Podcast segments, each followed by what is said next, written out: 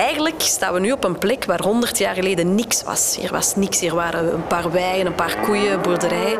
En de zee die lag daar. 14 kilometer verderop. En aan die kust, daar lag een stad, genaamd Oostende. Maar dus in 2031 is er een enorme golf gekomen en vanaf dan ook ja, heel de stad ondergestroomd. Het verlies van Oostende werd echt ervaren als een groot gemis. Dus ze hebben besloten om met hele vele door corona werkloze kunstenaars, mensen uit de zorgsector en de horecasector, tienduizenden vrijwilligers, de stad volledig herop te bouwen. Dus ze hebben elf jaar lang gewerkt aan een Oostende 2. Een exacte kopie, tot in detail nagebouwd. En daar staan we dus nu. Regelmatig spoelen er wel dingen aan nog uit het originele Oostende. Zo is er een paar weken geleden het hoofd van Leopold II aangespoeld. Niet het echte hoofd, maar het hoofd van het stambeeld, waarvan we subiet de exacte replica zullen passeren. Kyoko Scholiers is in Oostende, anno 2021. Een week lang zit de theatermaakster in een van onze ateliers te schrijven aan een nieuwe voorstelling. Zone X. Zone X is een futuristische toeristische wandeling. Uh, we leven in de voorstelling 2124. En gids Miko, een uh, gids die op dat moment van een andere kant van de wereld komt, neemt een paar, uh, een paar zijn dan 15 mensen, 15 toeschouwers mee op wandeling door de stad. En wat er bijzonder aan is, die stad is op dat moment gelegen in een zone die afgesloten is geweest sinds een hele grote ramp die heeft plaatsgevonden in 2034. Ja, waardoor ongeveer heel Europa eraan is op dat moment. Die zone is ook geëvacueerd geweest en zo na die ramp. Zwaar besmet geweest. En dus iedereen vloog daar buiten.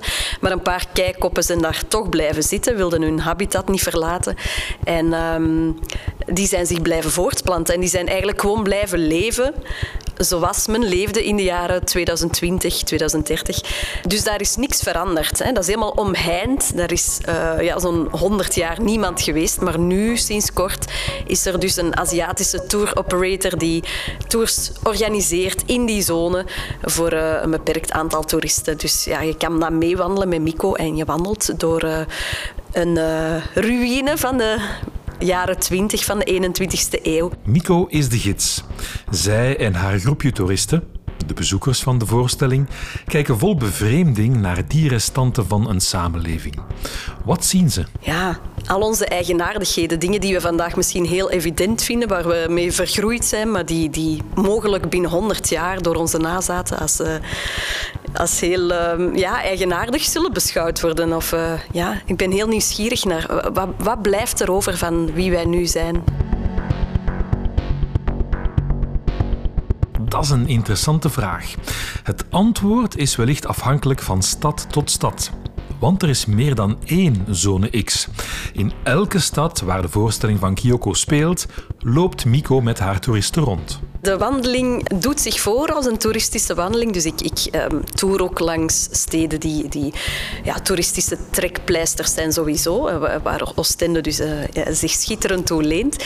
En de bedoeling is dan wel dat ik echt een paar toeristische highlights passeer.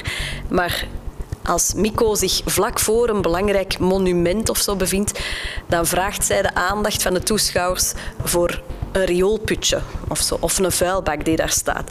Hele kleine dingen, hele kleine sporen die deze tijd heeft achtergelaten, waar elk ander gewoon voorbij zou lopen, om van daaruit een interpretatie te proberen te geven aan, aan iets ja, wat ze soms wel weet, maar waar ze heel vaak ook geen uitleg aan kan geven en waar ze dan probeert een logica achter te zoeken. Het is meer dan alleen wandelen door een Pompeii van het noorden. Miko gaat op zoek naar verklaringen en om die te vinden doet ze beroep op wetenschap. En dat moet Kyoko Scholiers dus ook doen bij het schrijven van de tekst. Deze fase sluit aan direct op een, uh, een hele lange onderzoeksfase die ik heb gehad, waarin ik heb gesproken met sociologen en historici, maar ook uh, vond ik heel boeiend met een futurologe, een toekomstonderzoekster, Maya van Leemput. Hey Maya. Hey. Zij is eigenlijk ja, echt bezig met uh, ja, het, het, het, onderzoek van de toekomst. Dat is iets heel... mensen fronsen vaak de wenkbrauwen als ze zoiets horen. Want eh, ja, niemand heeft een glazen bol. Eigenlijk kan je de toekomst niet voorspellen. En Maya kan dat ook niet. Maar wat zij doet, is, is eigenlijk iets anders. Zij houdt zich bezig met um, hoe mensen vandaag zich de toekomst verbeelden. Wij kijken naar wat er mogelijk is in de toekomst mogelijkheden. En het onmogelijke, dat interesseert ons niet. Daar moeten we ons niet mee bezighouden. En binnen die mogelijkheden kunnen wij dan kijken naar wat vinden mensen nu eigenlijk waarschijnlijk? Welke mogelijkheden vinden ze aannemelijk? Maar ook en vooral welke mogelijkheden vinden ze verkiesbaar? Zij tekent mee met mensen en heel vaak ook met kunstenaars mogelijke scenario's uit. In elk scenario zijn er winnaars en verliezers, zullen we zeggen. Er zijn altijd mensen waarvoor een bepaald toekomstscenario heel erg positief zou zijn, maar dan is er een andere groep waarvoor dat niet positief zou zijn.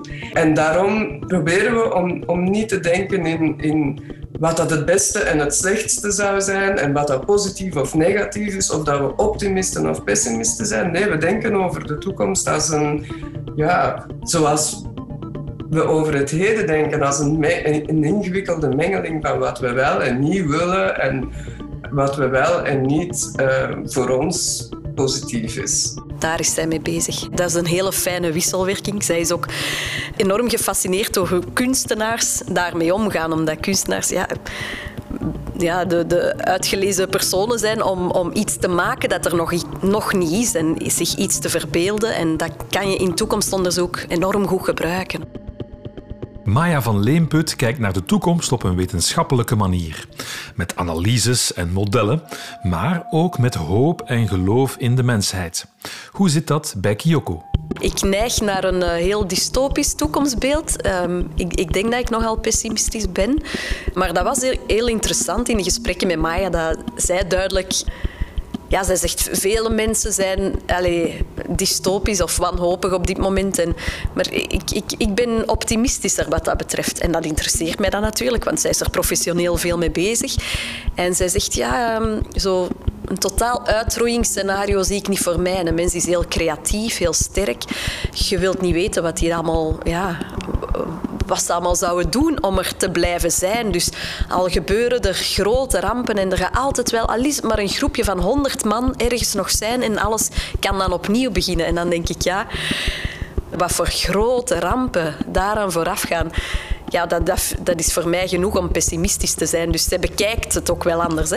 Dus ik, ik denk gewoon ook letterlijk ja, aan onze kinderen en de generaties daarna. En ja, wat als de rijken wel uitwegen vinden, maar wat dan met al die anderen, de, de migratiestromen, die, allez, er gaan heel veel mensen nog moeten afzien, denk ik, voor, voor we opnieuw kunnen ja, iets laten ontkiemen dat dan weer iets schoon kan zijn. Merci, hè. Dankjewel. Dag. Of je nu met een roze bril naar de toekomst kijkt of met een zwarte bril, wat is, na het gesprek met Maya, de essentie van het onderzoeken van de toekomst? Zoeken naar uh, hoe we de dingen beter kunnen maken. Veel meer dan mee voorspellen wat het zal zijn binnen 100 jaar. De materie kan zwaar klinken, maar Kyoko wil er vooral een lichte voorstelling van maken met zwarte humor. Belangrijk is natuurlijk de rol van de Aziatische toergids Miko de enige actrice in de voorstelling. Wie speelt Miko? We gaan uiteindelijk met drie actrices werken die elkaar afwisselen in de rol, omdat we ja, de wandeling zo toch een zestal keer per dag zouden willen spelen. En ook in verschillende talen, om uh, in elke stad ja, iedereen te kunnen bereiken. Ik zou dat fijn vinden dat zowel toeristen als nieuwkomers, iedereen kan aansluiten. Dus we gaan uh, de voorstelling in Frans, Nederlands en Engels aanbieden. Ik ga het echt toegankelijk maken. Het zou zo een alternatieve toeristische stadswandeling kunnen zijn. Ik ben al aan het overwegen om naast de theaters ook met de, de toeristendienst van elke stad samen te werken. En ja, dat ze dat kunnen naar voren schuiven als een mogelijkheid. Mensen krijgen ook een hoofdtelefoon kunnen het verhaal zo rustig binnennemen terwijl ze afstand houden van Mico. Allemaal heel coronaproof ook.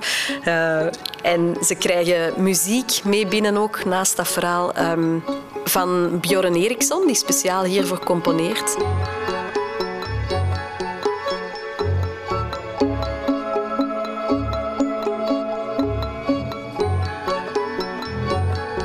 Zone X gaat in maart 2022 in première in Antwerpen in samenwerking met Opera Ballet Vlaanderen en CC Berchem. Daarna gaat ze toeren langs onder meer Leuven, Gent, Kortrijk, Tongeren en ook Oostende.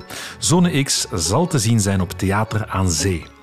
Kyoko Scholiers is graag aan zee en ook graag in de Grote Post.